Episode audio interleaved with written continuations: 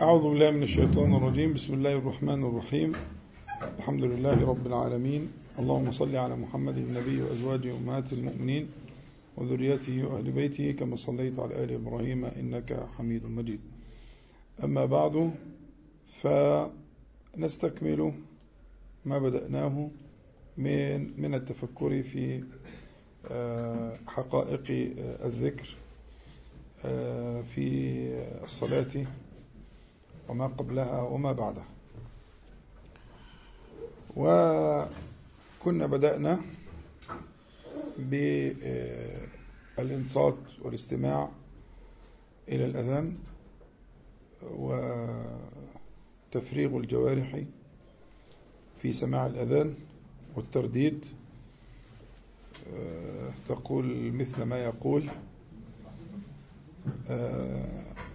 وتعظيم الأكبرية كان هو القضية. قضية الأذان هو في الحقيقة تعظيم الأكبرية. وذكرنا لماذا الأذان يبدأ بهذه الكلمة أكبر وأكبر أفعل تفضيل. فستكون في شيء فالله أكبر. ستخاف شيئا فالله أكبر. ستريد شيئا فالله أكبر. فالله أكبر. إذا كانت هذه البداية. ثم انتقلنا إلى بقية الأذان. فإذا ما قال حي على الصلاة حي على الفلاح لم تقل مثل ما يقول كما في سائر الأذان. ولكن تجيبه فحي اسم فعل بمعنى تعالى أقبل فيما لك فيه حياة أقبل لما يحييك. يعني هلم اسم فعل أمر بمعنى تعالى هلم وجاء في القرآن هلم باسم فعل أمر بمعنى تعالى. لكن حي اسم فعل أمر بمعنى تعالى فيما فيه حياتك. تعالى لتحيا. فكأن الذي لا يستجيب لهذا النداء ماذا يحصل له؟ يذهب إلى الموت. فإذا ما جاءه نداء بعده فلم يجب خطوة أخرى إلى الإيه؟ فإذا جاء نداء بعد نداء بعد نداء فلا يزال يخطو نحو الموت. أما الذي يستجيب لهذا النداء تعالى لتحيا تعالى لحياة قلبك فإنه بخطوة يحيا ثم بصلاة بعدها يحيا وبعدها يحيا وهكذا يحيي الله عز وجل قلبهم. فالانتباه والتفكر للنداء وما فيه هو أصل هذا الخير كله أصل الخير كله تعظيم الأذان. وقلت لكم اقطع وصلك بغير الله تعالى في ساعة الأذان. ولا تخشى في الحق لومة لائم قل اللي حواليك يا أخوانا ننتظر قليلا نردد الأذان. لأنه أمر النبي عليه الصلاة والسلام. ماذا قال عليه الصلاة والسلام؟ قال فقولوا مثل ما يقول. قولوا مثل ما يقول. خلاص. أطع النبي صلى الله عليه وسلم. في طاعته حياة قلبك تطيع النبي صلى الله عليه وسلم فتقول مثل ما يقول. إذا ما قال حي قلت له إيه؟ لا حول ولا قوة إلا به تعال لتحيا تقول له لا حول يعني لا تحول عن معصية الله تعالى ولا قوة يعني ولا قوة على طاعة الله عز وجل إلا به. فكأنك تتوسل بأسماء الله تعالى وصفاته. تتوسل بأسماء الله تعالى وصفاته أن يحملك على إجابة النداء أن يعينك. أن, أن تجيب النداء. اللي هيشهد المعاني دي في الأذان فتح له الباب. وخطى الخطوة الأولى على هذا الطريق المبارك. حتى لو بتكلم في الهاتف حتى لو بتتكلم مع حد حتى لو في عمل في أي شيء. حتى لو بتقرأ قرآن كريم. إيه أكتر من كده؟ لو بتقرأ القرآن الكريم الشرع يقول لك إيه؟ ها؟ توقف عن قراءة القرآن الكريم وهو أفضل الكلام على الإطلاق. خير الكلام كلام الله عز وجل. ها؟ وفضل كلام الله تعالى على سائر الكلام كفضل الله على خلقه. حتى لو بتقرأ قرآن اقطع تلاوتك ورد بالأذان. فإذا كنت تقطع التلاوة ما هو أعز وأرجى عندك من ذلك؟ اقطع وصلك بغير الله تعالى وردد الأذان مع الوعي لما في هذا الأذان من المعاني من الأكبرية أول حاجة. شرحناها بالتفصيل وارجع إلى الشروح المتقدمة. ثم معنى الحوقلة اللي هي استجابة لحي.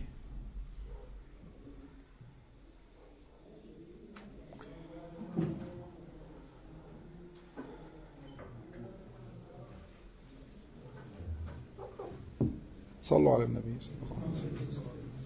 ثم تكلمنا عن الطهارة إن بعد بعد إجابة المنادي في الطهارة. والطهارة قلنا أنها في الحقيقة هي وسيلة.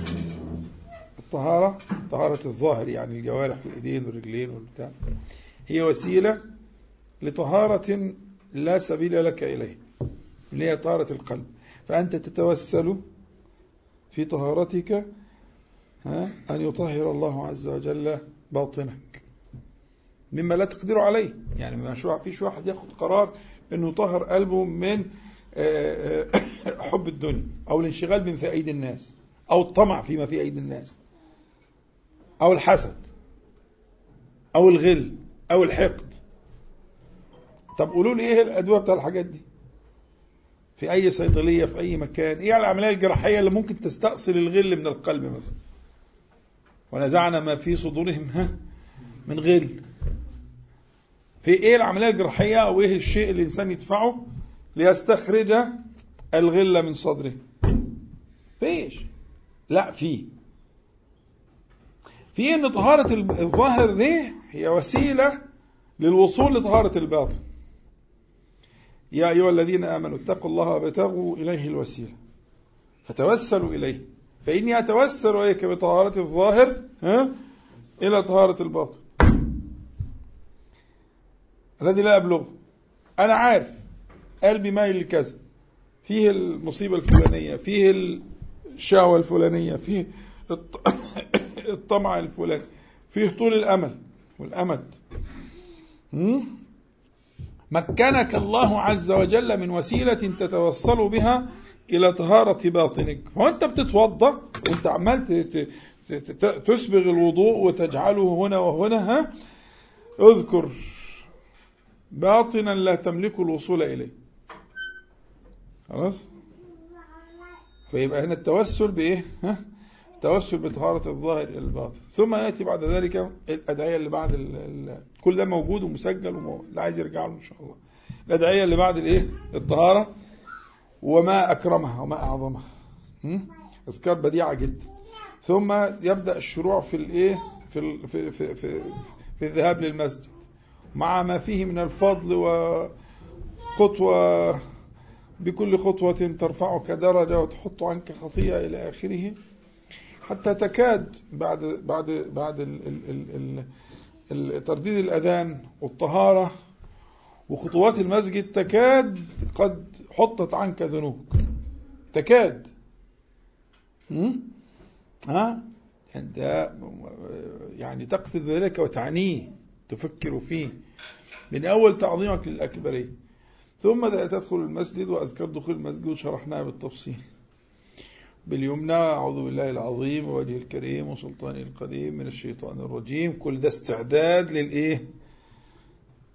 عشان تحفظ حتى لا تصرف. والشيطان عدوك.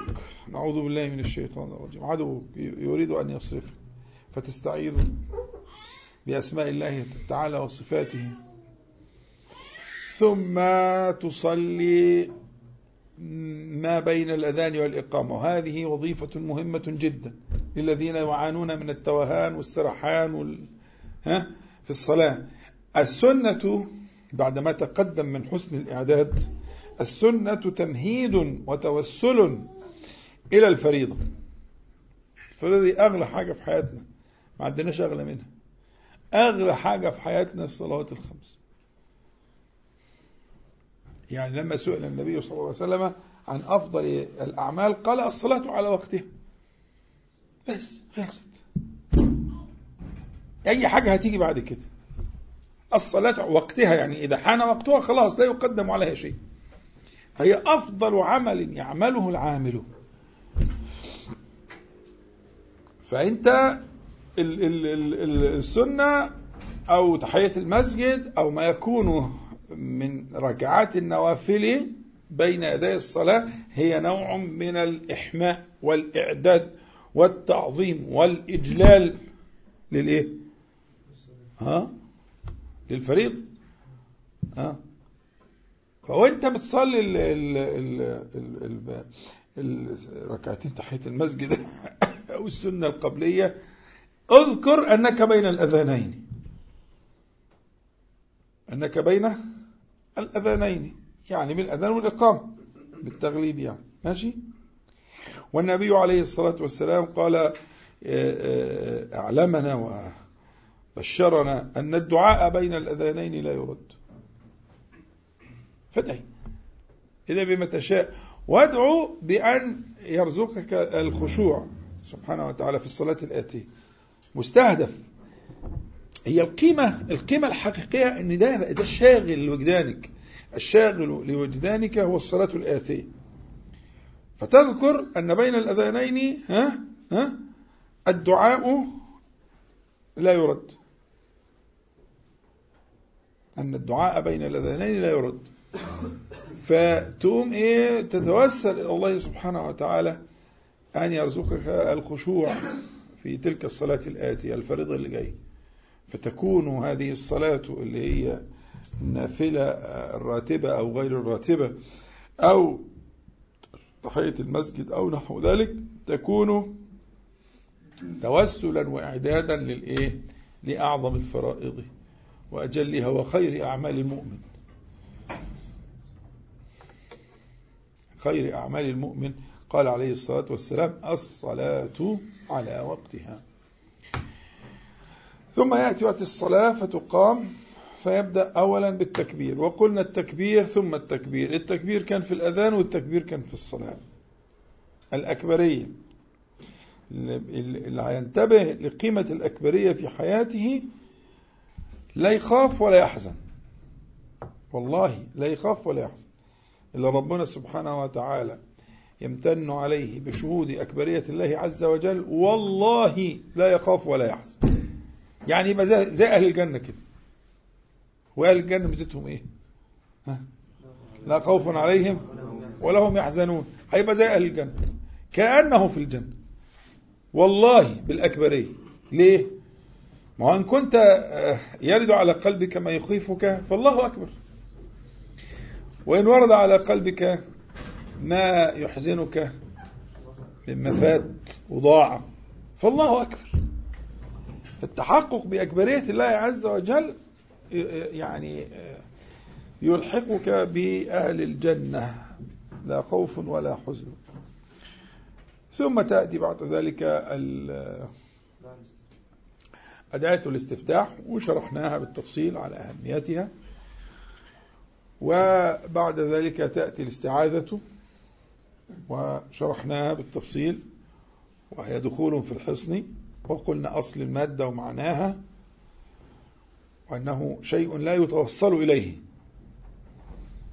شيء من النفع من النبات من المرعى من اللحم من الأشياء لكنه آه، لا يتوصل إليه. محمي. في داخل الإيه؟ لا يتوصل إليه. فأعوذ يعني يعني اجعلني في عوذك آه. في كنفك أعوذ أستجير. وقلنا ده معناها استحضار لحاجتين. أولا ضعف المستعيذ وإيه؟ وقدرة المستعاذ به. ولا يكون إلا كذلك. تمام؟ ثم بعد ذلك نبدأ في الفاتحة. والفاتحة مشروحة بالتفصيل. دي بقى ما يعني مش هنقدر نختصرها. غير في كلمة واحدة. إن مدار الفاتحة كلها على كلمة اهدنا. ارجع بقى للتسجيلات عشان إن شاء الله نافعة جدا بإذن الله. مدار الفاتحة كلها على اهدنا. فما قبل اهدنا هو توسل وإعداد. وما بعد اهدنا هو بيان وتفصيل للهداية المطلوب لكن هي في القضية أنت مستهدفك الرئيس من أول ما سمعت الأذان وتوضيت ومشيت ودخلت كل اللي ده كله أنت تستهدف كلمة واحد كلمة واحد. تستهدف كلمة واحد. كل ده إعداد عشان توصل لإيه؟ لكلمة اهدنا على ما في في الفاتحة من وصف الله تعالى لها في الحديث القدسي أنها هي الصلاة. قسمت الصلاة بيني وبين عبدي. فسمى الفاتحة فإذا قال الحمد لله قال الله تعالى إلى آخر الحديث حمدني إلى آخر الحديث. فارجع إلى هذا التفصيل النافع إن شاء الله. ثم يكبر وتكون التكبيرات هي دائما الإيه الانتقال إلا في موضع واحد هو تعظيم وإجلال واستحضار واستدعاء لقضية التكبير اللي بدأت معاك فين؟ ها؟ في الأذان. شوف شوف الإصرار. شوف الإصرار. طب ما أنت كان ممكن يبقى الانتقال بحاجة غير التكبير. والأذكار كتير. يكون مثلا بالتسبيح أو بالتحميد أو بأي ذكر. ليه ليه في إصرار دائم على الطرق على ذهنك؟ ها؟ أن الله أكبر. أكبر. قلت لك أكبر ليس من أسماء الله تعالى. خلاص؟ أسماء الله تعالى الكبير والمتكبر. دي أسماء لكن أكبر دي أفعل تفضيل صيغة تفضيل. فيرد على قلبك المفضل مع ما يليق بجلال الله تعالى. المفضل عليه من خوفك من ضعفك من طمعك من رجائك إلى آخره. ولا وتستدعى التكبيرات باستمرار. أكبر من مرضك أكبر من آه، ممن يعني يتعبك من من المقربين من ولدك من أهلك. أقرب أقرب من كل ذلك سبحانه وتعالى. وأكبر وأقدر جل جلاله. طيب. بعد كده آه، ينتقل للركوع. وقلنا التسبيح شرحناه بالتفصيل وارجعوا له تسبيح مهم جدا. لأن قلنا التسبيح هو أكثر أكثر دعاء من جهة العدد يقوله المرء في اليوم والليلة آه، في ذكر الثناء. إحنا تقسمنا الذكر لدعاء وثناء مش كده؟ فأكثر الثناء عددا باتفاق بلا خلاف هو التسبيح. فشرحناه. فارجع إليه معنى التسبيح مع تكراره وكان النبي عليه الصلاة والسلام يسبح عشر تسبيحات. عشر مرات يسبح. بصيغ مختلفة وشرحناها وترجعوا لها إن شاء الله في مواضعها ثم بعد الانتهاء من أذكار الركوع يرفع من الركوع وهو في حال الرفع يقول سمع الله لمن حمده. فإذا استقام واستوى قائما يقول ربنا ولك الحمد أو لك الحمد. الروايات كلها صحيحة. حمدا كثيرا طيبا مباركا فيه ملء السماوات وملء الأرض. وملء ما بينهما وملء ما شئت من شيء بعد. أهل الثناء والمجد أحق ما قال العبد وكلنا لك عبد. اللهم لا مانع لما أعطيت ولا معطي لما منعت ولا ينفع ذا الجد منك الجد. يقول ذلك كله إن كان يكون مناسبا يعني. إن كان يكون مناسبا إن كان إماما لأناس يقبلون ذلك ويرضون به أو يقول بعضهم. يقتصر على بعض على حسب المقام لكن إحنا ننشغل بهذا الذكر وندرسه إن شاء الله تعالى آه، كلمة كلمة إن شاء الله تعالى.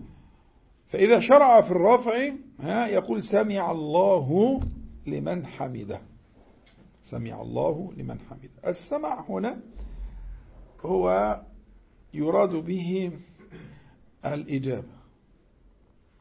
يعني أن الله سبحانه وتعالى يجيب أهل الحمد. إلى مرادهم. فالسمع يستعمل ويراد به ما يكون من توابعه ومقتضياته من الإجابة. وكان النبي عليه الصلاة والسلام مما يستعيذ منه ومن دعاء لا يسمع ومقصود به لا يجاب. فاستعمال السمع بمعنى الإجابة شائع في الكلام العربي. حتى أنت ممكن تقول لولدك اسمع الكلام اسمع الكلام. فهو لو قال لك وأنا سامع يبقى هو الولد مش فاهم مش فاهم الدلالة البلاغية. إنك أنت لا تقصد السماع بالأذن يعني بالحاسة أنت تقصد إيه؟ آه تقصد الاستجابة. يا ابني اسمع الكلام. يا حبيبي اسمع الكلام. هو كده يقول لك طب أنا سامع يعني أنا سامع. فانت تقول له لا هو السماع مقصود به الايه ما يتبع ذلك من الايه من الاستجابة وما. فسمع الله لمن حمده يعني استجاب الله عز وجل آه، لمن حمده. وفي معنى لطيف ان الحمد بيكون فيه تعريض بالطلب. يعني إذا حمد العبد ربه سبحانه وتعالى فإنما يحمده على نعمائه صح؟ فكأنه يعرض بال بال بال بال بالنعم لطلب المزيد. يعني عشان فيها معنى الإجابة يبقى إنسان لما بيحمد ربنا سبحانه وتعالى على على شيء من النعم فإنه يحمده معرضا بطلب المزيد منه سبحانه وتعالى من من فضله. واسألوا الله من فضله. والله تعالى هو الذي قال ذلك. أمر بذلك. واسألوا الله من فضله. الله تعالى يحب أن يسأل. ها؟ لأنه سبحانه وتعالى آه، أكرم الأكرمين. فإذا فيها معنى إيه؟ سمع الله لمن حمد فيها تعريض بمرادك. لما حمدت الله عز وجل فإنك عرضت بنعم تحمده عليها وتطلب المزيد منه سبحانه وتعالى في هذه المحامد سمع الله أجاب الله عز وجل من حمده معرضا بفضله لطلب المزيد. الذكر ده كله بلاغة في في بالحذف والتقدير. فطولوا بالكم عشان هي الذكر أصله مش إيه؟ في تقديرات كتير. لأن أصل أنت لو فكرت في الكلام اللي هو أنت بتقوله ده هتلاقيه كلام يفتقر لما يتعلق به. فسمع الله لمن حمده. طب ما أنت تقول قد سمع الله قول التي تجادلك في زوجها. يعني إيه؟ ها؟ يعني فاستجاب لها. مش كده؟ بينما هو كانت بتسأل النبي صلى الله عليه وسلم آه، فما يجد لها شيئا عنده ما كانش لسه في حكم في المسألة. فلما قال الله تعالى قد سمع الله قد للتحقيق فإن الله سبحانه وتعالى آه، امتن عليها بهذا الحكم اللي هو حكم الظهار تمام؟ فهنا الاستماع معناه ما يترتب عليه وما يكون من توابعه من آه، من فضل الله تعالى وإجابته للسائل لما تعرض بمحامد الله عز وجل. فإذا قال ذلك كأنه يجيب نفسه يعني هو بيقول سمع الله لمن حمده. فهو هيجيب نفسه كأن يعني في حوار بيتم. سمع الله لمن حمده فهتقول إيه؟ ربنا ولك الحمد. يعني سمعت ذلك من غيرك مثلا. أه؟ زي ما تسمع قول الله تعالى واسألوا الله من فضله فتقول اللهم ارزقني من فضلك. يسن كده. وانت بتقرأ سورة النساء. تقول إيه؟ اللهم إني أسألك من فضلك. أو توسع. لما تيجي اللحظة دي دي لحظة لحظة عطاء فلا تتخلف. يبقى خلي بالك اللحظة دي هي لحظة إذن من الله تعالى لفتح الباب. الباب يتفتح وصاحبنا هناك. هناك فين يا عم الحاج؟ في حاجة حقيرة حاجة فانية. حاجة ملهاش أي 30 لازمة. إيه أنت فين يا ابن الحلال؟ ده الباب اتفتح. ده أنت اللي بتقول. أنت اللي بتقول لنفسك ها؟ يستجيب الله عز وجل لأهل المحامد. أنت بتقول كده. ولكن مش هنا أصلا. فيبقى انتبه. حينما تعلن ذلك أن تقول سمع الله لمن حمده قد فتح الباب. هذا الإذن. عشان الكلام اللي جاي ده هو استجابة لهذا الخبر. لأن الكلام الأولاني ده خبر. إعلان. يا أيها المسلمون إن الله عز وجل يستجيب لأهل المحامد. هو ده الإعلان اللي أنت بتقوله أنت بتعلنه. ماشي؟ إمام ومأموم كله يقول كده. حدش له بحد فأنت بتقول سمع الله لمن حمله فإذا قد فتح الباب باب الإيه؟ آه باب الإجابة. فبتبدأ تقول ربنا ولك الحمد. ورواية لك الحمد لكن خلينا في الرواية فيها فيها زيادة لأنها رواية صحيحة في الصحيح إن شاء الله. ربنا ولك الحمد. ربنا ذا نداء يعني يا ربنا. تمام؟ فتنادي ربك سبحانه وتعالى بهذا الاسم الجليل الرب سبحانه وتعالى. ربنا مالناش غيرك. ربنا دي معناها كده بالبلدي. اللي ربى وكون وأطعم وأنعم وهدى وزود هو سبحانه وتعالى. أنا ماليش غيرك ربنا. يبقى ربنا دي يعني يا منصوب عشان كده. منادى. يا ربنا. خلاص؟ الواو دي فيها كلام فيها تفاصيل كتير بس اللي يناسب المقام المكرم في حضرته دلوقتي إنها نقول إنها واو للحال.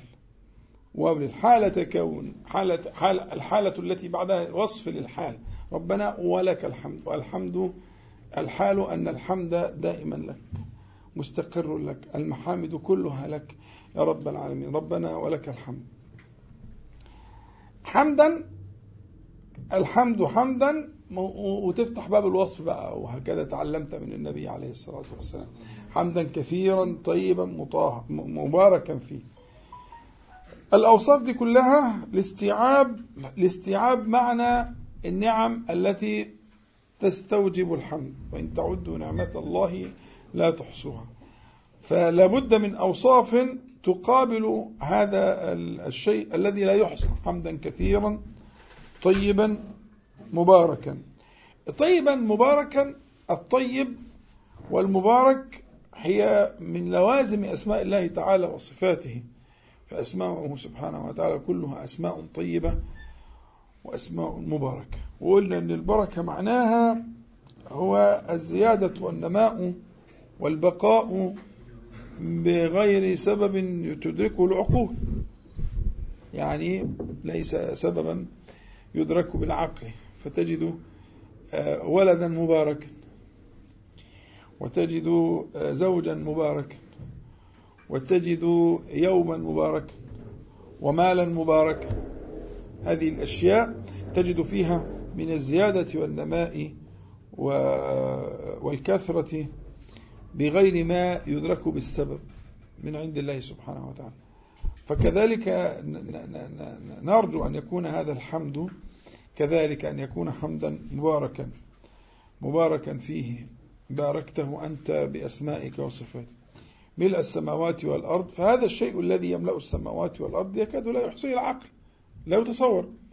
فأنت بتقول كأنه يملأه هذا كأنه تشبيه كأنه يملأ السماوات والأرض. فأنت تسأل الله سبحانه وتعالى أن يكون الحمد كذلك حمدا كثيرا وده كله مبني على فكرة عدم الإحصاء لأنه محال إحصاء الإيه؟ لقوله تعالى لن لن لا لا لا يمكن لا يمكن البلوغ. فإذا المراد أن هذا هذا الحمد بهذه الصفات يكافئ عدم الإحصاء. ثم تقول وملء ما بينهم وملء ما شئت من شيء بعد أهل الثناء والمجد. أهل يعني منادى. يعني يا أهل أنت أهل ذلك. وأهل الشيء وهم خاصته فأنت أهل الثناء على الحقيقة المحامد. آه، الثناء اللي هو المديح.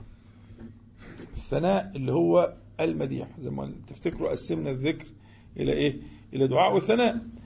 فالذكر اللي هو الثناء مشتمل كذلك على معنى الدعاء لكنه متوجه في أول ما يتوجه إليه في معنى الثناء على الله سبحانه وتعالى المديح اللائق بأسمائه وصفاته كالتسبيح فالتسبيح ثناء على الله سبحانه وتعالى.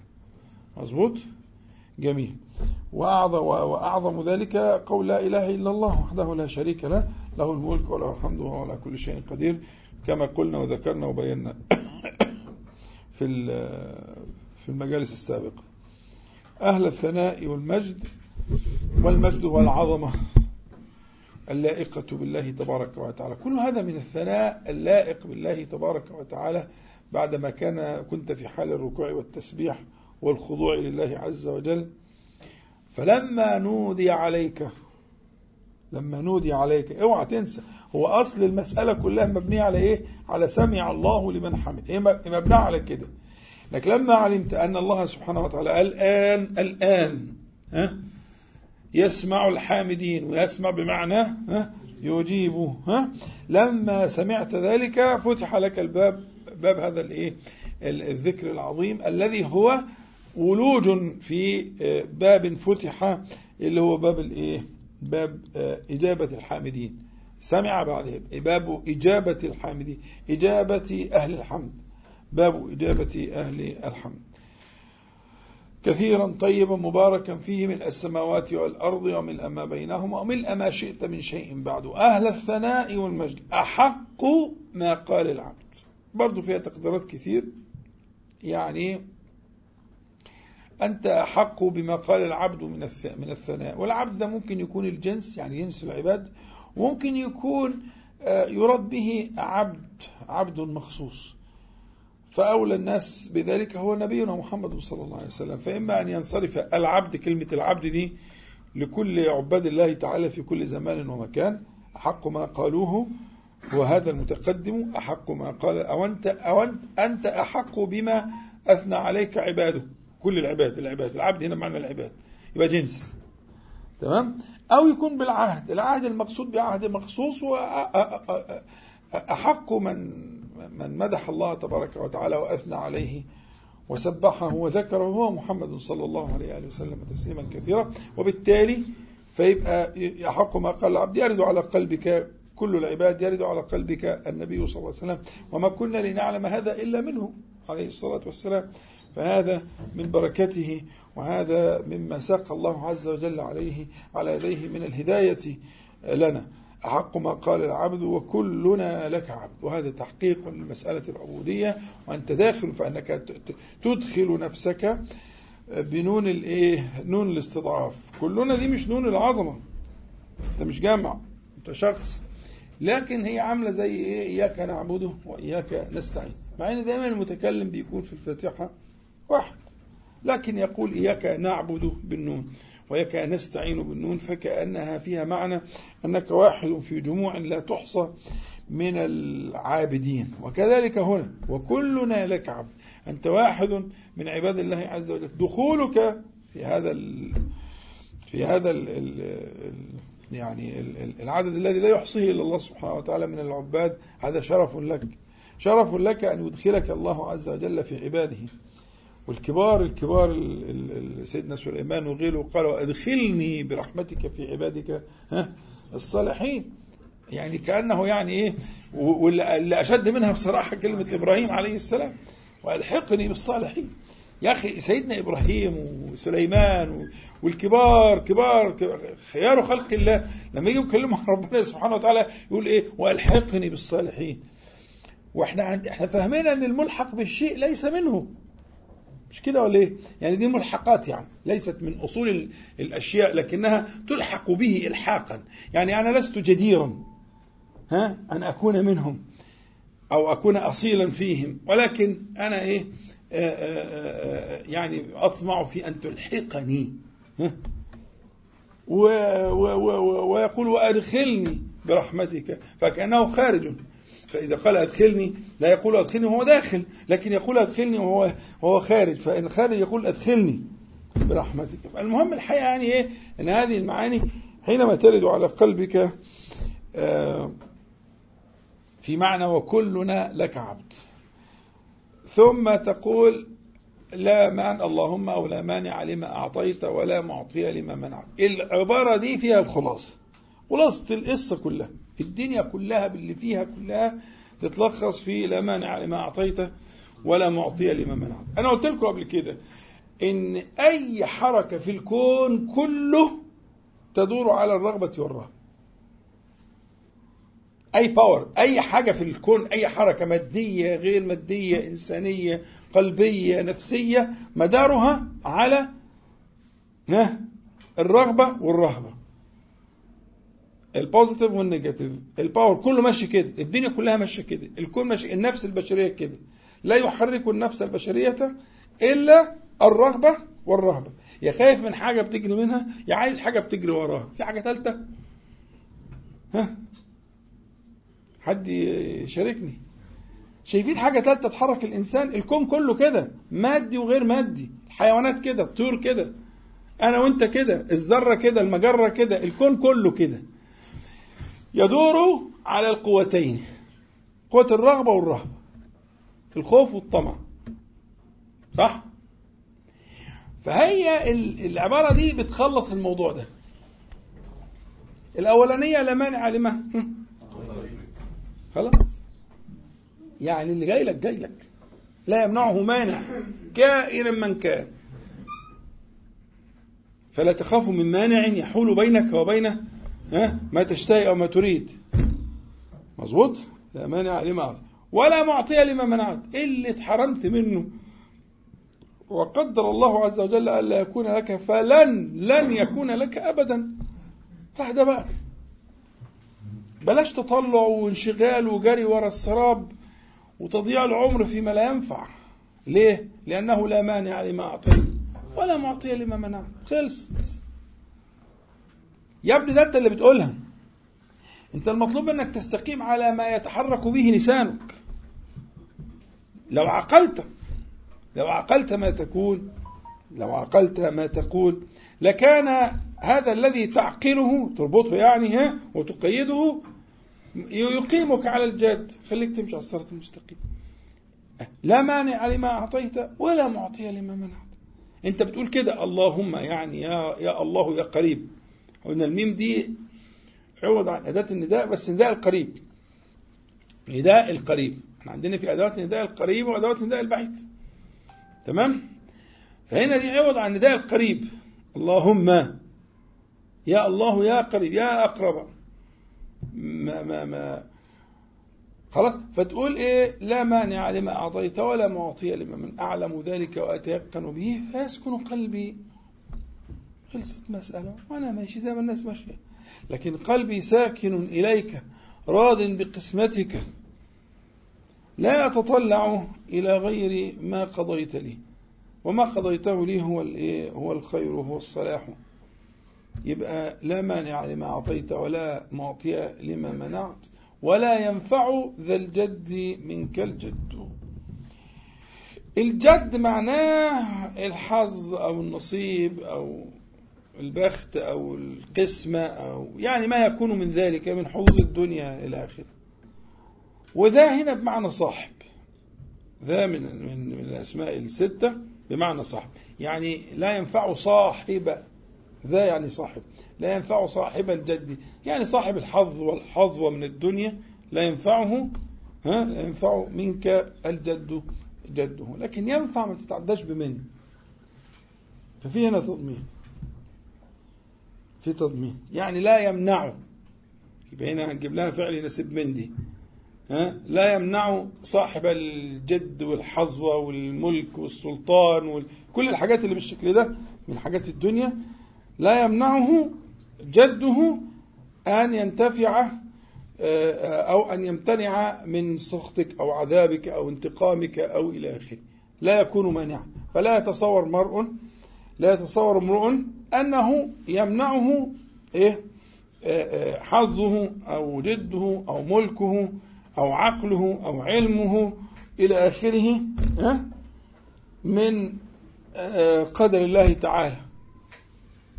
ابن نوح عليه السلام قال سآوي إلى جبل يعصمني من الماء. هذا تصور تصور يجد ما يعصمه من هذا القدر. فجواب الشرع ها؟ لا عاصم اليوم من أمر الله. إلا لكن لا عاصمه خلاص انتهى الموضوع. اللي عايز يعتصم على الحقيقة يعتصم بالله. اللي عايز يحتمي يحتمي بالله. اللي عايز يستعيذ يستعيذ بالله. لكن لا يمنع الحظ والجد والعلم والقدرة والمال والجاه والسلطان. لا يمنع صاحبه مما يصيبه من أقدار الله تعالى وما يعني أجراه سبحانه وتعالى عليه وعلى الناس. ولا ينفع ذا الجد منك الجد الحقيقة اللي بيقول الذكر ده مش عايزك بقى تحرم نفسك إنك أنت مثلا ما تقدرش تقوله في صلوات المفروضات. نتيجة مثلا الإمام بيخفف شوية أو كده. ما تحرمش نفسك في النوافل. قوله في النوافل باستمرار. واقعد راجع كده نفسك في الألفاظ البديعة دي. والحوار يحضر في ذهنك. إن سمع الله لمن حمد دي كأنه من الله تعالى تأتيك. كأن ملك بيقول لك كده. فأنت تقول ما يقال لك. ها؟ فتكون إجابتك ربنا ولك الحمد حمدا كثيرا إلى آخر الدعاء. اللي بي يعني بينتبه ويحضر قلبه في هذا الذكر فإن الله سبحانه وتعالى يفيض عليه من إنعامه وإفضاله ما لا يدركه العقل والله. بس المهم يكون في حرص على هذا الذكر. في صحيح الإمام البخاري أن في صلاة الجماعة النبي عليه الصلاة والسلام كان يصلي بالصحابة وفي آه، آه، صحابي اسمه رفاع بن رافع كان بيصلي مع النبي عليه الصلاة والسلام. فلما رفع النبي رأسه من الركعة قال سمع الله لمن حمده كإمام يعني. فقال هذا الرجل وراءه ربنا ولك الحمد حمدا كثيرا طيبا مباركا فيه. فلما انصرف يعني النبي صلى الله عليه وسلم من صلاته قال من المتكلم؟ فسكت. هو تهيب يعني تهيب أن يكون آه ما يؤذيه أو ما يغضب النبي صلى الله عليه وسلم. فقال لك هتعدي بقى. ما فلكن النبي عليه الصلاة والسلام كررها ثلاثة وفي الثالثة قال ما قال إلا خيرا. فقال أنا. فقال أنا. فقال له النبي صلى الله عليه وسلم رأيت بضعة وثلاثين ملكا يبتدرونها أيهم يكتبها أولا؟ فأثنى عليه النبي عليه الصلاة والسلام. فدي حالة حالة وجد يعني حالة حضور حالة شهود. هو ما تعلمهاش من النبي عليه الصلاة والسلام. ودي بيسموها سنة الرضا سنة الإقرار. أن يرى النبي صلى الله عليه وسلم شيئا أو يسمعه فيقر. ها؟ فهنا أقره. فهذا برضه ما فيش مانع أنك أنت أن, أن, أن, أن تهيج مشاعرك. إذا ما سمعت بقى تسمع. سمع الله لمن سمعا جديدا بقى. تسمعها سماعا جديدا. كأنه النداء من الله تعالى. الملائكة الكرام تقول لك سمع الله لمن حمد الإمام ده بيقول لك كده عشان ينبهك. أنت بتقول لنفسك سمع الله لمن حمده. فتفتح الباب فتقول كما قال ربنا ولك الحمد حمدا كثيرا طيبا مباركا فيه. نفس الكلام. أو تقول الذكر اللي هو صح عن النبي عليه الصلاة والسلام كما ذكرت لك بطولها أو تقول بعضه المهم أن تشهد أنه الآن يفتح باب لأهل المحامد فلا تغفل. الخسران الحقيقي أن تغفل عن ذلك. أن تغفل عن هذه الأذكار وهذه المعاني من أول زي ما قلنا تكبيرة الإحرام مرورا بهذه الأشياء وصولا إلى هذا الذكر المبارك الذي فيه ما فيه. طيب هي الملائكة بتبتدر يعني آه، آه، آه، بضعا وثلاثين البضع من ثلاثة لتسعة يعني. يبتدرونها أيهم يكتبها أولا ليه؟ لشرفها كلمة شريفة. فالملائكة تحب الذكر وتحب الإيمان وتحب المؤمنين. فالملائكة تتسابق أيهم يكتب هذه الكلمة المباركة أولا أو أولا فبالتالي نفس الكلام إحنا إذا حصل وأدركنا قيمة هذه الأشياء وكيف أن الملائكة الكرام تفرح بذلك وتكتبه وتدونه لما فيه من الأجر بكل حرف. وربما تكون هذه الملائكة غير الملائكة الكتبة الحفظة في ناس من أهل العلم قالوا كده. إن هم ملائكة من الملائكة اللي هي السيارة. تبحث عن حلق الذكر وتشهد الصلوات وتأتي. فالمسألة فيها سعة. ف وده برضه في تنبيه على ما قلت لك أنك تسمع نفسك في الصلاة هذا الكلام شرحته شرحا مسهبا فارجع إليه حذاري أن تبدأ الصلاة وتختمها بالهم بالهمهمة التي لا مخارج ولا صفات ولا حاجة أن لك أن أن يحضر قلبك فلا بد أن تسمع نفسك ولا تسمع غيرك لكن لا بد أن تسمع نفسك ليكون ذكرا ويكون له من المخارج والصفات للحروف فتستمع وتنصت ويكون هذا الباب حينما تقول سمع الله لمن حمده. تعلم أن هذا إذان من الله سبحانه وتعالى بفتح باب للحامدين. فاحمد, فاحمد الله تعالى بما يليق بجلاله. لا تغفل عن ذلك فإن ذلك يكتب بالحرف. حتى إن الملائكة كما رأيت في حديث رفاعة بن رافع في البخاري أنها ابتدرت وتسابقت إلى آخره. فكل ذلك يكتب ويدون في صحائفك ويرفع من درجاتك. وتلك هي الصلاة. يبقى الذكر للأدي كان ذكر الحمد. يبقى إن بس إن شاء الله مجلس ثاني إحنا حاجة كنا قلناها قبل كده ولكن لا بأس من إعادتها. في هذا المقام اللي هو مقام الرفع من الركوع في نوع تاني من الأذكار. اللي هو دعاء القنوت في الوتر وهذا مما يعني يعني أجد فيه كنزا من الكنوز ينبغي ألا تغفلوا عنه لأن فيه يعني نوع آخر من أنواع المحامد ومطالب أخرى. ووظفه الصحابة رضي الله عنه توظيفا عجيبا كأبي بكر وعمر على وجه الخصوص أنهم كانوا لأنهم تعلموا ذلك من النبي صلى الله عليه وسلم أنه كان يقنط في الصلاة أحيانا في غير صلاة الإيه؟ الوتر. فكان يقنط في الصلوات كلها. فدعاء القنوت ده بقى هو محله. طبعا في خلاف. في في ناس بتقول إن نعمل القنوت يكون قبل الركوع لكن أغلب أهل العلم على أن القنوت يكون بعد الرفع من الركوع يعني في المقام اللي إحنا فيه. يبقى إحنا خلصنا كده مقام الإيه؟ الحمد. مقام الحمد سمع الله لمن حمده ومقام الحمد. فبنقول كده وبعدين إذا كان فيه قنوت نقنط القنوت معناه طول القيام. وقوموا لله قانتين يعني طويلا يعني. ده معنى فهو معناه إن الوقت ده بيطول شوية أكتر من المعتاد. بيطول في هذا الذكر اللي هو أدعية القنوت. فإيه أدعية القنوت؟ وإيه الوارد؟ وإيه المرفوع؟ وإيه الموقوف على الصحابة رضي الله عنهم؟ ويأخذ حكم المرفوع المهم يعني أدعية القنوت هي أدعية تكون في هذا المقام. نخليها إن شاء الله في مجلس ثاني قلنا مرة قبل كده لكن مفيش مانع لإعادتها لأهميتها ولأن أنا عايز حضراتكم ما تبخلوش على أنفسكم بالوتر. يعني الوتر ده يعني بصراحة يعني يعني يشتكي إلى ربه. والله هو قال لي كده. يشتكي منكم. يشتكي منكم إلى الله تعالى الوتر ده. إن الله وتر يحب الوتر. الوتر دي صلاة أهل الدين. الصلاة المخصوصة يعني صلاة الرواقة قبل ما تنام. بلاش بعد ما تنام. خليك بعد ما تنام دي لها أهل يعني إيه؟ أهل عزيمة. لكن أهل الحزم أنتوا أهل الحزم. صلاة الوتر دي تشتكي إلى ربها سبحانه وتعالى. يكون فيها القراءة الجميلة ويكون فيها الحضور وتقرأ ما تيسر من القرآن الكريم. وبعدين تقول بقى الدعاء الجميل ده. أدعية الوتر أدعية مباركة فيها ما هو مرفوع للنبي عليه الصلاة والسلام كحديث الحسن وفيها موقوف على عمر رضي الله عنه. ومهم جدا في أحوال حينما تتنازع الأمم وتتقاتل علينا لأنها قوة كان بيدعيها في أيام الإيه؟ الجهاد مع أهل الكتاب وكده.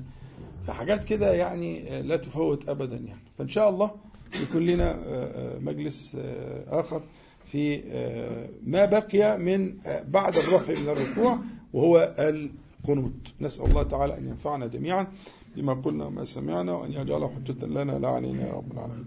اللهم صل على محمد النبي وأزواجه أمهات المؤمنين وذريته وآل بيته كما صليت على آل إبراهيم إنك حميد مجيد والحمد لله رب العالمين. أعوذ بالله من الشيطان الرجيم. بسم الله الرحمن الرحيم. الحمد لله رب العالمين. اللهم صل على محمد وأنزل المقعد المقرب منك يوم القيامة. أما بعد ف مع الأسئلة والاستفسارات أولها كيف يكون السبيل للأمر بالمعروف والنهي عن المنكر فيما يخص الاحتفال بما يسمى بالكريسماس في محيط الأهل والأصدقاء والمعارف سواء أكان احتفالا بالملابس أو التصوير بالزي المخصص أو بجانب شجر الميلاد يعني أو التصوير بجانب شجر الميلاد وما إلى ذلك. ويكون المخرج أحيانا أنه احتفال كاتب احتفالا أنه احتفال. خبر أن مش كده ولا إيه؟ خبر أن يبقى شكله إيه؟ مرفوع مظبوط. أنه احتفال بالسنة الجديدة وليس بعيد الميلاد. صلوا على النبي صلى الله عليه وسلم.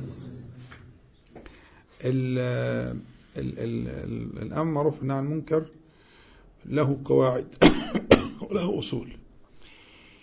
لا بد من اتباعها وإلا يكون الضرر أكبر من النفع. فلا بد للأمر بالمعروف والنهي عن المنكر أن يكون رفيقا فيما يأمر رفيقا فيما ينهى. عالما بما يأمر عالما بما ينهى. ألا يزيد المنكر وألا يقل المعروف. على الأقل الثلاث قواعد دول دي شروط لجواز الأمر معروف عن المنكر. فمن أمر بمعروف أو نهى عن منكر وخالف واحدة من تلك القواعد الثلاثة أو الثلاث فسيذهب بعيدا عن مقصد الشرع الشريف. مقاصد الشريعة قائمة على آه، آه، آه، جلب المصلحة ودرء المفسدة الشريعة كلها كل الأحكام. إذا اتفقنا أن في شريعة وفي عقيدة أو إيمان أو حقيقة فالشريعة كل الشريعة كل أحكام الدين بلا استثناء واحد كلها تقوم على جلب المنافع ودرء المفاسد الشريعة كلها فبالتالي من الشريعة الأمر بالمعروف والنهي عن المنكر. هذا من من خصائص تلك الأمة المباركة أمتنا. فبالتالي آه، شرطه أن يزيد المعروف أو يثبت وألا آه، يزيد المنكر آه، أو يقل. هذا شرطه وأن يكون رفيقا. فما كان الرفق في شيء إلا زانه وما نزع من شيء إلا شانه. وأن يكون عالما بما يأمر وعالما بما ينهى. لا يأمر ولا ينهى فيما يجهل. فيما أخذه كده بالكلام آه، الجرائد والصحف وكلام الناس. لا يكون فاهما وفقيها في المسألة التي يأمر فيها أو ينهى فيها. هذه قواعد مهمة في مسألة الأمر والنهي عن المنكر. فالسؤال يقول في محيط الأهل والأصدقاء والمعارف. هذه هذا المحيط أيضا يحتاج إلى ما تقدم. حتى أولادك حتى أهلك حتى زوجتك. إذا أمرت أو نهيت معهم فلا بد أن تكون عالما فيما تأمر عالما بما تنهى رفيقا فيما تأمر رفيقا فيما تنهى. أن يكون أن يزيد المعروف وأن يقل المنكر. هذا الشرط. حتى لو كان في الدوائر الضيقة دي. وبالتالي إحنا آه، إذا يعني تحققنا من هذه الأشياء فهو الخوف من آه، من هذه الأشياء هو آه، مشابهة أهل الكتاب فيما يفعلونه من الأمور التي أصلها أصلها شرك أصلها شرك شرك بالله تعالى. فهو الخطر فين؟ الخطر الذي تخافه أنت على نفسك وعلى غيرك هو التشبه. التشبه وممكن يزيد عن التشبه اللي هو المشاركة. يعني التشبه أولا ثم ممكن يصل إلى حد الإيه؟ المشاركة. التشبه أو المشاركة لأصحاب الجحيم. ومخالفة أصحاب الجحيم هذا آه، أمر آه، مأمور به. وهو من أصول هذه الشريعة المباركة أنه جاءت أحكام كثيرة جدا. في آه، مخالفة آه، أهل الكتاب. مع آه، أن النبي صلى الله عليه وسلم حذرنا من ذلك تحذيرا فائقا في قوله صلى الله عليه وسلم وتتبعون سنن من كان قبلكم حاذو القذة بالقذة. شبرا بشبر وذراعا بذراع حديث كلها صحيحة. حتى إذا ما دخلوا جحر ضب دخلتموه وراءهم. قالوا اليهود والنصارى؟ قال فمن؟ يعني يعني هم هم. نعم هم هم اليهود والنصارى. فكأنه يحذر من ذلك وأنه سيقع في الأمة. سيقع في الأمة أن الناس يتبعون سنا يعني طريق وخطوات وسبيل هؤلاء من اليهود والنصارى أن يتبع سبيلهم حذو القذة بالقذة يعني مطابقة تامة. القذة حد عارفها؟ قلتها قبل كده. نقولها تاني. مش خسارة فيكم. القذة اللي هو الشع الريش اللي بيبقى في مؤخرة السهم. عارفين السهم؟ في آخره بيبقى فيه ريش على اتجاهين. مظبوط؟ بيبقى ريش مقصوص كده. شرط الريش ده عشان السهم ما ينحرفش كده أو كده ويمشي في الاتجاه المظبوط إن يكون الريش اللي في الجهة دي مطابق تماما للريش اللي في الجهة الثانية زي دفة المركب كده. ها؟ تقوم بهذا العمل. فلما بيجي يقطع اللي بيصنع السهم بيجي يقطع الريش اللي في آخر السهم ده لازم يقطعه بالتطابق التام. ويبقى المقدار الناحية قد المقدار الناحية دي. فبيقطعهم بيعملوا على بعض. يقصهم على بعض. فحذف القذة بالقذة يعني هذه القذة العليا زي السفلى يكونوا زي بعض بالضبط. فهكذا كأنه في تطابق يعني بيقطعهم على بعض. مظبوط؟ شبرا بشبر يعني نفس المقاس ذراعا بذراع نفس المقاس. وفي بعض الروايات احاديث بس مش حديث ده احاديث أخرى لا تصل إلى درجة دي احاديث في الصحيح. لا تصل إلى حذو النعل بالنعل.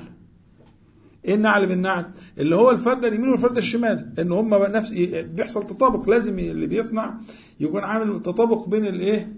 بين آه بين النعلين بين النعلين. يبقوا زي بعض بالظبط تطابق. فتشبيه النبي عليه الصلاة والسلام وتكرار التشبيه بأدوات التشبيه المختلفة عشان توصل لذهنك حاجة مهمة. إن هم إيه؟ إن ده هيحصل وهيحصل بشكل لا يعقله العقل. لأن هي حكاية القذة بالقذة والكلام ده طب ما إحنا غيرهم.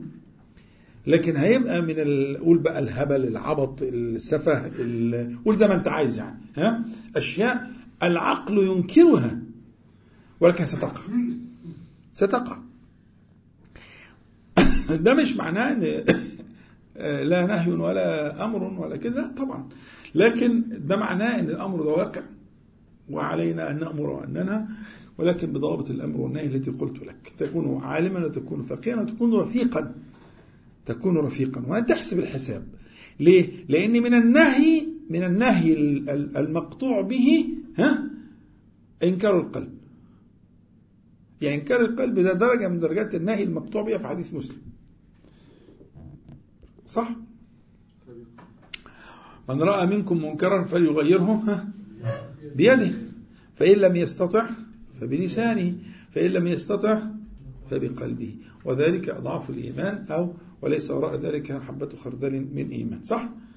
جميل. حديث مسلم. تعال بقى تقدير الجار المجرود متعلق بإيه؟ من رأى منكم منكرا فليغيره ها؟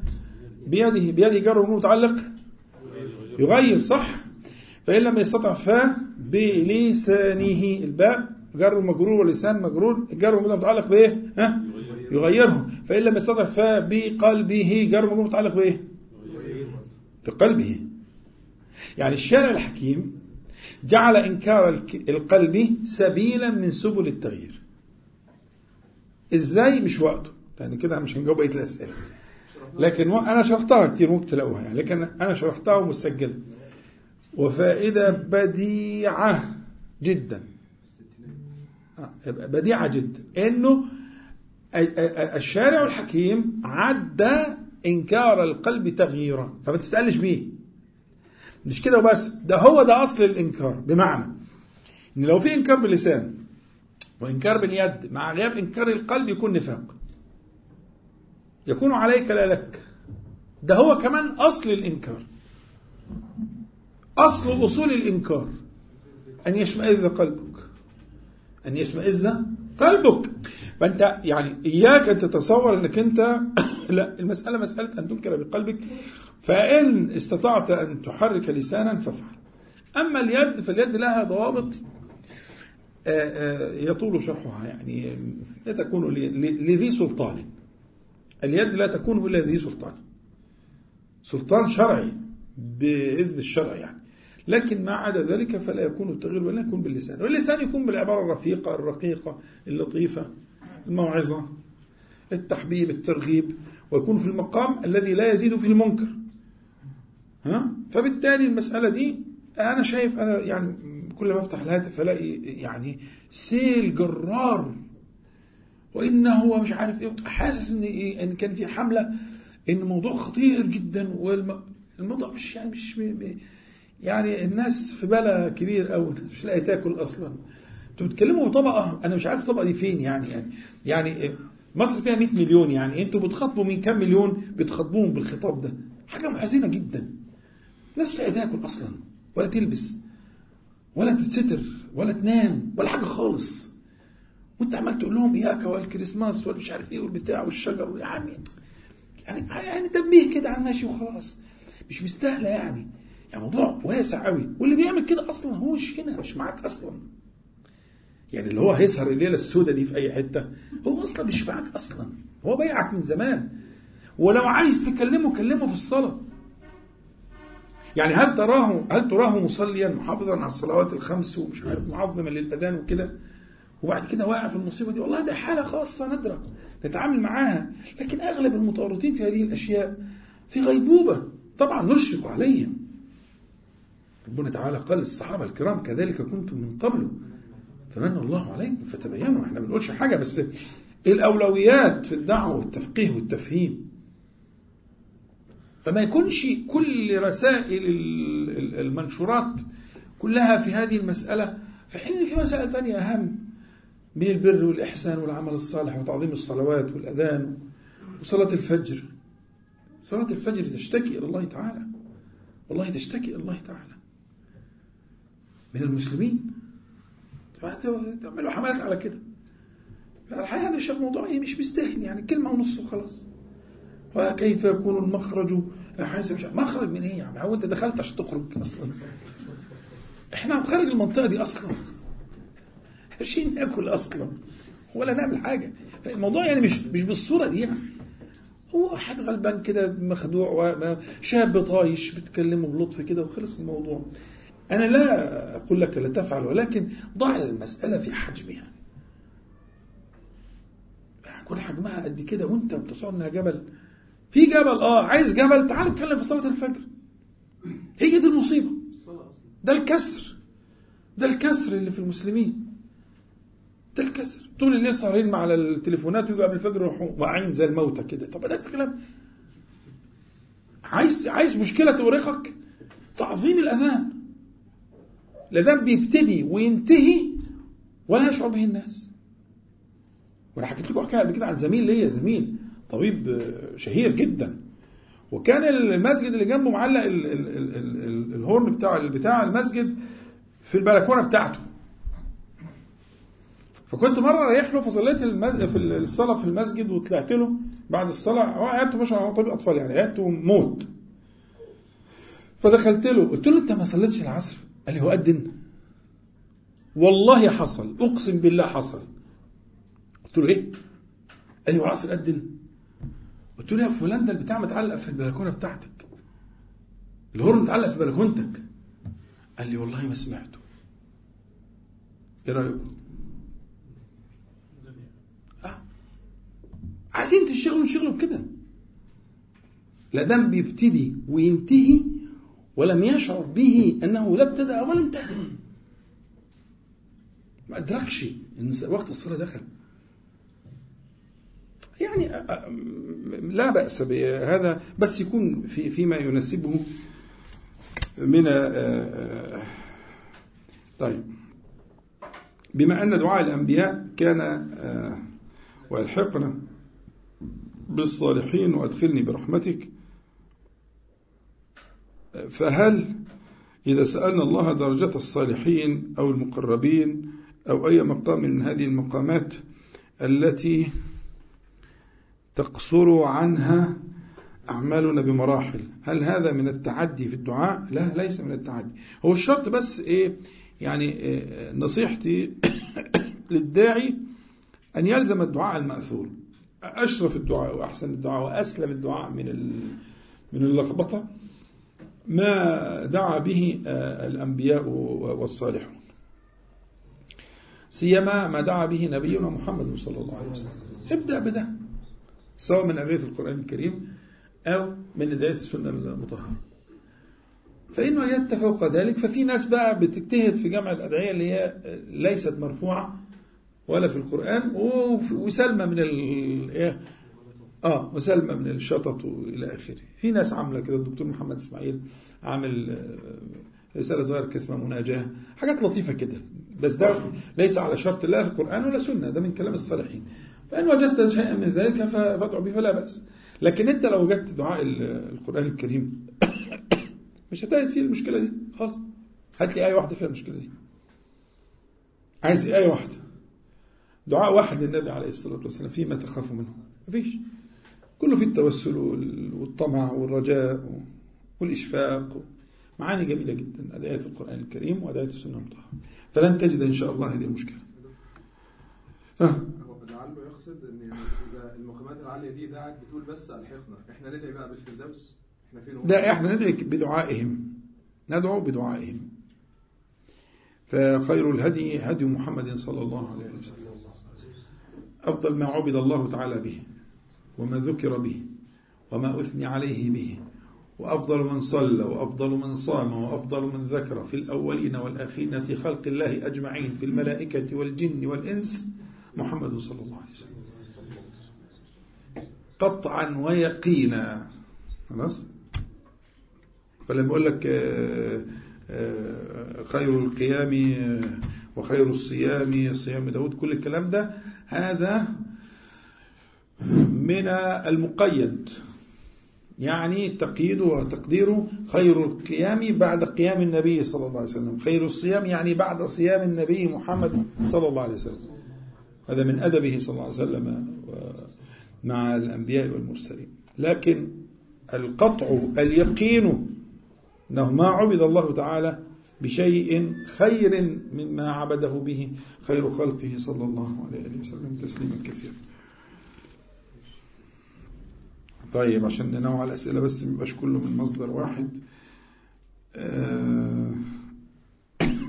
هل غير المسلمين في أرجاء الأرض الذين لم يسمعوا عن الإسلام سيحاسبون حساب أهل الفترة؟ إحنا شرحنا الحكاية دي قبل كده لكن لا بأس بتلخيصها. شرط شرط الحساب كما في سورة الإسراء وما كنا معذبين حتى نبعث رسولا. شرط الحساب بلوغ الحجة الرسالية بلوغا صحيحا. ده الشرط. فإذا بلغت بلوغا صحيحا قامت الحجة وبالتالي يبقى في حساب وفي جنة وفي نار. لكن من لم تبلغه الرسالة بلوغا صحيحا ويعجز هو أن يصنع ذلك فلا يكون من أهل الجحيم ولا يكون معذبا. وخلاف بقى من أهل العلم فأين يذهب؟ في خلاف. في ناس رجحت أن يكون مع أهل الفترة وأنا أميل إلى هذا القول. كما في قول الله تعالى على فترة من الرسل في سورة المائدة. على فترة على انقطاع يعني. اللي هم أهل الفترة دول اللي هم كانوا بين عيسى عليه السلام وبين نبينا محمد صلى الله عليه وسلم. وهذه الفترة أطول فترة في تاريخ الإنسانية. انقطع فيها الوحي. أطول فترة في انقطاع الوحي على الإطلاق هي بين عيسى ونبينا محمد صلى الله عليه وسلم تسليما كثيرا. وبالتالي دي كان فيها ناس لم يبلغهم وكيف يبلغون إلى آخره فهؤلاء هم أهل الفترة. لهم يعني احتمالات بقى أهل العلم فيها احتمالات أن هم يختبرون في العرصات يكونون كأطفال أهل الجنة يكونون إلى آخره. فيها حاجات كتير. لكن عذاب لا. بناء على ماذا؟ آه. محال وبالتالي المسألة واضحة زي الشمس. الناس اللي ما بلغتهمش دعوة الإسلام التوحيد بلوغا صحيحا في الهند واليابان والبتاع وال والغرب والشرق والشمال والجنوب أدغال أفريقيا والأمازون والبرازيل الناس دي كيف يعذبها الله تعالى؟ أن له سبحانه وتعالى جل جلاله بنص القرآن مش كلام أنا. وبالتالي إلى أن تبلغهم. لم تبلغهم يبقى هم في مشيئة الله تعالى. يصنع بهم كما علمت. والله أعلم. ف ما حكم قول بحق جاه النبي قبل الدعاء؟ أنا أشرت للمعنى ده كان في سؤال شبيه بكده. لكن لا بأس بتكراره. يعني هو يتوسل بجاه النبي صلى الله عليه وسلم إلى الله تعالى. مش كده؟ بس هو كاتب ما قالش صلى الله عليه وسلم. حاجة تحزن يعني. سؤالك بتكتب النبي صلى الله عليه وسلم أنا مش عارف إيد واحد زي واحد تطوع يكتب النبي صلى الله عليه وسلم وما يقولش صلى الله عليه وسلم ما يكتبهاش. ده أبقى حاجة وأرجى حاجة بتكتبها بخط إيدك الصلاة على النبي عليه الصلاة والسلام بعد القرآن الكريم. ما تكتبش النبي صلى الله عليه وسلم من غير ما تصلي عليه. يا جدع حاجة غريبة جدا. ليه؟ يعني اللي خلاك تكتب خمس ست سطور. طب اكتب صلى الله عليه وسلم. ده دي هي اللي هتقعد لك. الباقي ده كله هيطير. الباقي ده كله طاير. اللي هتقعد لك هناك هي الصلاة عليه عليه الصلاة والسلام. إن أولى الناس بي أكثرهم علي صلاة. صلى الله عليه وسلم. يوم القيامة. البخيل من ذكرت عنده فلم يصلي عليه صلى الله عليه وسلم. إيه الحكاية؟ عدها لك يا رب. المهم. حكاية بجاه النبي صلى الله عليه وسلم هي مقصود بها تتوسل بصفة من صفات فعل الله تعالى. يعني بحبك للنبي صلى الله عليه وسلم بمكانة النبي صلى الله عليه وسلم التي وضعته فيها عندك يا ربي. خلاص؟ يبقى أنت لما بتتوسل بالكلمة دي بتتوسل بفعل الله تعالى بصفة من صفات الله تعالى. تمام؟ لكن قلت لكم المرة السابقة أن هذا الكلام لا يكون إلا للخواص. لكن عموم الناس خطأ. ليه؟ لأنه لا ليس فيه سد ليس فيه سد للإيه؟ للذريعة. تفتح أنت باب الشرك بقى بالكلام ده واللخبطة. تمام؟ اللي خلاها كده يبقى بجاه سيدي فلان وبعدين بجاه إيه؟ وبجاه أمه وبجاه أبوه. خلصت المسألة. ما ضاعت الدنيا. لا طبعا. فبالتالي إذا وجدنا يعني من يقول ذلك من أهل العلم أو الفقه أو كده نحمله على هذا المعنى. إن هذا الكلام إنما هو توسل بأسماء الله تعالى وصفاته. يعني بحبك للنبي صلى الله عليه وسلم. بتقديمك وتقريبك و ها؟ له صلى الله عليه وسلم. ده المعنى. برفعك له على سائر خلقه. ده الجاه. ماشي حلو قوي يبقى أنت في الحقيقة بت إيه؟ تتوسل بأسماء الله تعالى وصفاته وهو من أعظم التوسل. لكن سدوا هذا الباب سدوه. اسمعوا كلامي حتى وإن كان له مخرج لكن مخرجه ضيق. لا يخرج منه كثير من الناس. والباقيين هيتحجبوا ويقعوا في الإيه؟ في الفخاخ المنصوبة. ولا إيه؟ طيب صلوا على النبي صلى الله عليه وسلم.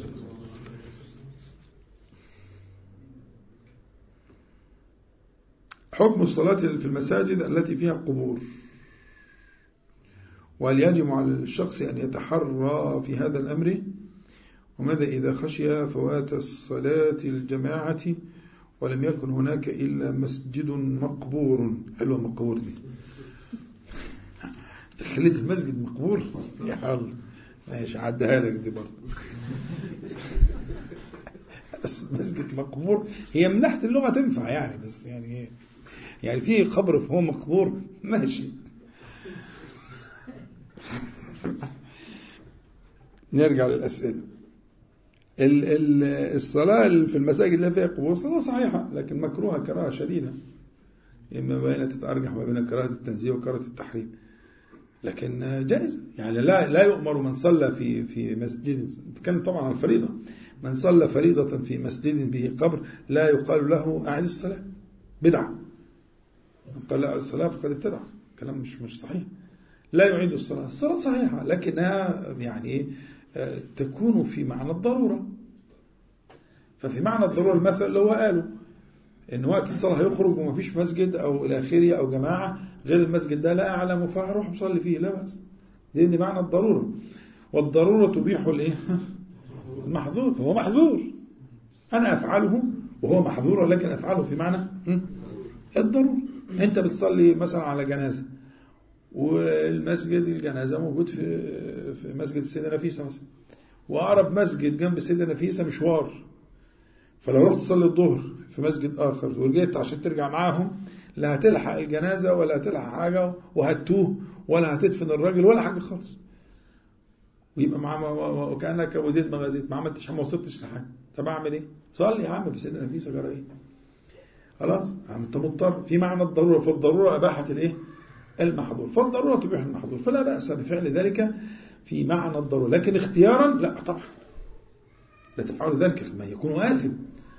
فضلا بقى أن يكون تبركا بالبقعة. يعني البقعة مباركة. البقعة دي الصلاة فيها أعظم وأكثر أجرا. ده جاهل عايز يعلم. بس برفق برضه يعني. اتفقنا بقى. ها رفيقا فيما يأمر رفيقا فيما ينهى عالما بما يأمر عالما بما ينهى ألا يزيد المنكر وألا يقل المعروف. حفظتهم؟ اوعوا تنسوهم. مهمين جدا.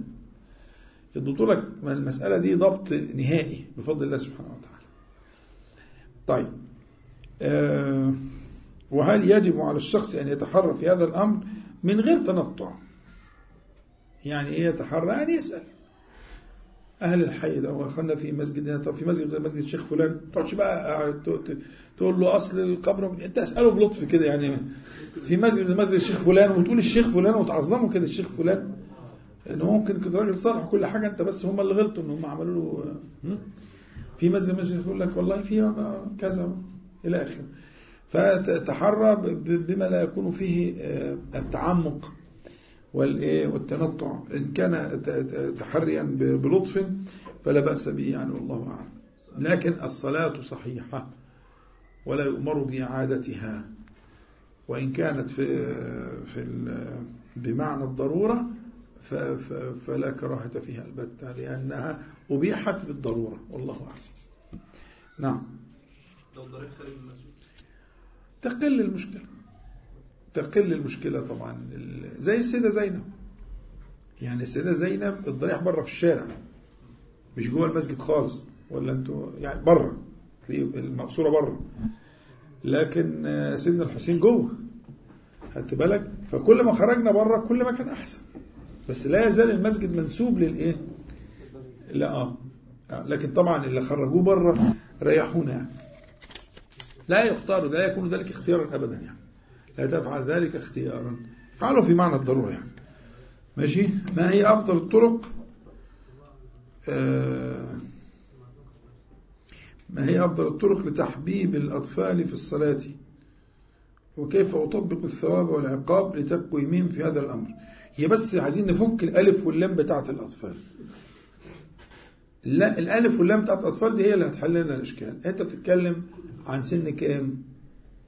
تتكلم عن ثقافة إيه؟ عن مستوى اجتماعي إيه؟ مستوى ثقافي إيه؟ ده اللي يهمني. ده اللي هيفرق. فإحنا لو بنتكلم على اللي هم ما دون البلوغ أو ما دون العاشرة فلا لا في ثواب ولا في لا في عقاب ولا في أي حاجة. المسألة كلها تكون مبنية على الثواب ثم الثواب ثم الثواب. بس مش كده. ترغيب. مفيش ترهيب. وبعدين العاشرة أقصد العاشرة العقلية مش العاشرة ال ال آه السنية بقى مش عارف مش عارف ترجمتها يعني. آه لا مش هي دي العاشرة يعني العقل. في عيل عنده سبع سنين وسنه 14 سنة. وفي عيل عنده 14 سنة وسنه 10 سنين سبع سنين 8 سنين. ده موجود وده موجود. فإحنا الشرع بيتكلم على الإدراك مش بيتكلم على عدد السنين على الإدراك. وضربوهم عليها لعشر يعني عشر يكون يكون عقله عقل العشر يعني. والضرب طبعا مفهوم يعني مش الضرب اللي هو المؤلم أو المبرح ال... لكن يبدأ مع الأطفال حسب أعمارهم في مسألة قبل بلوغ هذه السن بال بالترهيب فقط. وممنوع الترهيب لأنه هو مش مذنب أنا عاقبه على إيه عاقبه على غير واجب. عقلوها يا جدعان ولا يجب عليه هتعاقبه ليه لكن تعده تكافئه تثيبه. فانت لما هتترك الثواب ده فيه معنى العقاب. يعني هو بس هو ترك ثواب ترك مكافأة. لكن عقاب بمعنى العقاب لا طبعا. لا يعاقب الطفل قبل هذا الإدراك العقلي على مسألة الصلاة. أبدا. ممنوع. يأتي ب بأضرار وإلى آخره. بس. يعني تحبيب الأطفال للصلاة أولا أولا رقم واحد القدوة. القدوة ثم القدوة. لما يلاقي في تعظيم للأم للصلاة في أول الوقت والمطبخ والبوتاجاز والدنيا لكن الصلاة تقوم سابة الدنيا دي كلها وطافية على البوتاجاز أو مهدياه أو هي مظبطة البرنامج إن هو ما يتدخلش مع الصلاة وتقوم داخلة متوضية ومصلية السنة ومصلية الفريضة في المسجد بتاعها اللي في بيتها. اللي إحنا شرحناه قبل كده مرارا. هيتعلم. لما يلاقي الأب أول ما يسمع الأذان يروح يتوقف عن الكلام وعن الكلام في الهاتف وعن مش عارف إيه ويردد الأذان ويستعد ويتوضى وينزل يصلي.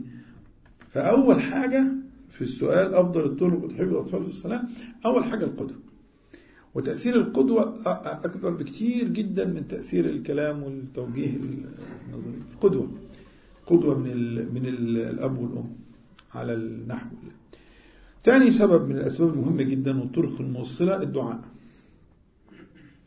رب اجعلني مقيم الصلاة ومن ذريتي. واركن بقى عليها شوية. مش كله جاري جاري هنا. يعني مقيم الصلاة ومن ذريتي. اركن شوية. اهدى اهدى. ده الواحد ده بيصدق ربنا وفقه الذكر والدعاء ومن ذريتي. اهي وانت بتتأثر مين آه. ركز كده. ها؟ ومن ذريتي. ربنا هب لنا من أزواجنا وذرياتنا قرة أعين. وجعلنا للمتقين الكلام ده هو ده الكلام. ماشي؟ فيبقى تاني تاني طريق من الطرق المسؤول عنها هي الدعاء. والدعاء بأسبابه وقواعده وظاهره وباطنه إلى آخره. الدعاء لتحبيب الأطفال في الصلاة. قدوة والدعاء ثم الثواب. الذي إذا ما ترك سيكون عقابا لكن هو ليس عقاب هو في الحقيقة أصله ثواب. هتيجي تعمل كذا هتيجي الصلاة وهتبقى مؤدب وهتصلي الصلاة كلها ومش عارف إيه هنجيب كذا. الحاجة اللي أنت بتحبها أو إلى آخره. مفيش مانع يكون في يعني جانب مادي شوية في الاتفاق مفيش مشكلة إن الطفل عقليته مادية. كتير مش مشكلة. ما يعني خلي خليه اتفاق مادي محض لكن إحنا عايزين نورطه في ان يخش في في الذكر وفي وحفظ الملائكة الكرام وإلى آخره. نورطه بالشكل ده فلا بأس بشيء من الترغيب والثواب. يصل إن شاء الله معك ثلاث حاجات أهو. حفظتهم؟ اتفضل. يعني كان من ضمن الحاجات اللي في المكافآت دي في في أساليب التربية عموما ساعات بيقولوا إن نظام المكافآت ده ساعات بيبقى خطأ جدا. إن هو بيعمل الحاجة عشان ياخد الحاجة المادية دي. فبالتالي الحاجة المادية دي لو اتقطعت هو بيبتدي ما يعملش الحاجة دي. يعني بيربط الصلاة أو بيربط الحاجة اللي إحنا نطلبها منه بالشيء المادي. تمام. فهل ده هي يعني المفروض كده دي ده عكس ده؟ أنا عندي رد مطول بس مش هينفع في الوقت ده. ده بيسموه ال conditioned reflex. واخد بالك؟ اللي هو رد الفعل المنعكس. اللي هو يرتبط الفعل يرتبط بفعل تاني. وده مناسب جدا في أعمار معينة وغير مناسب في أعمار تانية. فإحنا بنتكلم على الأعمار الصغيرة إحنا بنتكلم على ما دون العاشرة أربع سنين خمس سنين ست سنين. لما يرتبط بكده جميل جدا لأنه ما عندوش سبب تاني خالص. هتقول له الآخرة وتقول له الجنة يقول لك توكل على الله. ولا إيه؟ انت عندكم عيال؟ هتقول له الجنة وتقول له الآخرة وتقول له مش عارف إيه؟ ماشي. هتقول له الشوكولاتة يقول لك الله عايز تقول أنا الولد همنع معاه الفعل مع لا يا عم الفعل معكس وابو المنعكس كمان. الحين ما نرتقي لمستوى معين من الإدراك ممكن نفكر في حاجات تانية. لكن لا وعندي رد مطول علمي يعني في المسألة بس مش وقته. هو جاني سؤال في أثناء ال... هل صلاة الجماعة ضرورة تبيح المحظور؟ حاضر. لازم احترام الإدارة. أنا مش فاهم السؤال. هل صلاة الجماعة ضرورة تبيح المحظور؟ على السؤال بتاع القبر تقريبا. آه. آه. كل ان هي تبقى جماعة يعني. آه. معذور الصلاه في المسجد التزامه بالناس آه آه, آه, آه, آه, آه فهمت فهمت فهمت فهمت. كانت تيجي في السياق السؤال كانت مشيت صح. تمام صلوا على النبي صلى الله عليه وسلم. هو آه صلاة الجماعة آه فيها خلاف بين أهل العلم في وجوبها وتعينها وجوبا عينيا أو وجوبا كفائيا أو لا عينيا ولا كفائيا. يعني هما ثلاث حاجات تمام؟ جمهور أهل العلم المحققون واللي عليه الأدلة واللي عليه فعل النبي صلى الله عليه وسلم وحاله المشرف وإلى آخره أنها تجب وجوبا عينيا للقدر. مش عايز كلام. والأدلة فوق الحصر.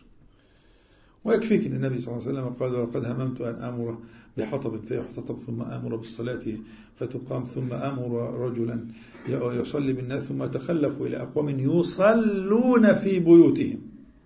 مش تركين للصلاة. فأحرق عليهم بيوتهم. يعني حقهم كده. هكذا يستحقون. يبقى سيحرق البيوت على أناس يفعلون المباح. اديني عقلك يابا. اديني عقلك. من غير ما نخش في تفاصيل وخناقات وبتاع. حديث صحيح. وحديث كتير جدا لكن الحديث ده قاطع للمسألة. مسألة منتهية. لكن لماذا لم يفعل؟ لم يفعل عشان الذراري والنساء ومن لا تجب عليه صلاة الجماعة. التمييز صعب. لكن كأنه عايز يوصل المعنى عليه الصلاة والسلام إنه ده حقه. آه حقه بقى إنه يتعمل فيه كده. فواحد حقه يحرك عليه بيته. تقوم تقول لي واجب ولا مستحب ولا كفاية ولا عيني ولا بتاع. عيني طبعا للقادر. ولا تتردد ولا يغرنك هذا الخلاف في الفقه ولا تبص له أصلا. مسألة واضحة زي الشمس وخاف على روحك. وأي حاجة تضعف من عزيمتك في هذا فاتركها. أنا عايزك تروح المسجد ذهاب المحتاج الفقير. مش ذهاب اللي بي يا ابني أنت محتاج والله. اللي إحنا شرحناه للاديو قبل كده أنت محتاج محتاج الخطوات دي. أنت مفتقر إليه ف نعم صلاة الجماعة الجماعة نعم ضرورة واجبة متعينة على كل قادر ولا يتخلف عنها إلا بأعذار شرعية تبيح التخلف. في أعذار صح بس أعذار تبيح تبيح التخلف عن الجماعة شرعية لكن يبقى الأصل تركها ويبقى فعلها تفضل أو سنة ولا مستحب لا لا. ولا حتى واجب كفاية. إذا قام به البعض سقط عن الجميع. على كل من تبلغه. قال هل تسمع النداء؟ قال نعم. قال فحيها له. وجاي بيشتكي من إيه؟ من الهوام والسباع وإنه أعمى. ولا يجد من يقوده. فمن باب أولى. سعادتك من باب أولى. السائل أعمى. نسأل الله العافية. ولا يجد من يقوده يوصله. والمدينة فيها الهوام والسباع. وأنت الحمد لله الحتة اللي أنت فيها لا فيها هوام ولا فيها سباع ولا فيها. ما فيهاش. والحمد لله ربنا منور بصيرتك. وإيه الحكاية؟ فمن باب أولى. كل أدلة الوجوب أدلة قطعية. الوجوب العيني. قال هل تسمع النداء قال فحي هلا لبي. وإلى آخره. المسألة ما فيش. إلا الأعذار اللي الشارع هو الذي أباحه. ماشي. خلاص دي مسألة تانية. يبقى هو الذي أوجب سبحانه وتعالى وهو الذي؟ أباح. طيب آه، نأجل السؤال الجاي ده. السؤال ده طويل. أنا هقوله برضو عشان إيه؟ وهأجله إن شاء الله خلينا نبدأ بيه الحصة الجاية إن شاء الله. هو السؤال لأنه طويل أنا مش سايبه عشان كده أنا سايبه عشان طويل. أنا قريته في الأول كان جاي مع أسئلة أخرى. ما هو حد الترف والقصد؟ فمن المعلوم أن الله فضل بعضنا على بعض في الرزق. فكيف يعلم أحدنا إذا كان مسرفا أو مقتصدا؟ سؤال جميل جدا ومهم. بس نظلمه لو آه، باشمهندس عمال يبص لي كده. ده عايز له كده قعدة رواقة يعني. ففكروني الحصه الجايه نبتدي بالسؤال ده. مهم جدا. عشان برضو آه، يعني القصد القصد. يعني القصد في السير إلى الله سبحانه وتعالى. ونعرف الأدلة الشرعية في المسألة زي كده. فنسأل الله العلي القدير أن ينفعنا جميعا بما قلنا وما سمعنا وأن يجعله حجة لنا لا علينا رب العالمين. اللهم صل على محمد النبي وأزواجه أمهات المؤمنين وذريته وأهل بيته. كما صليت على آل إبراهيم إنك حميد مجيد. والحمد لله رب العالمين. نقول جميعا سبحانك اللهم ربنا وبحمدك. أشهد أن لا إله إلا أنت. أستغفرك وأتوب إليك. السلام عليكم ورحمة الله.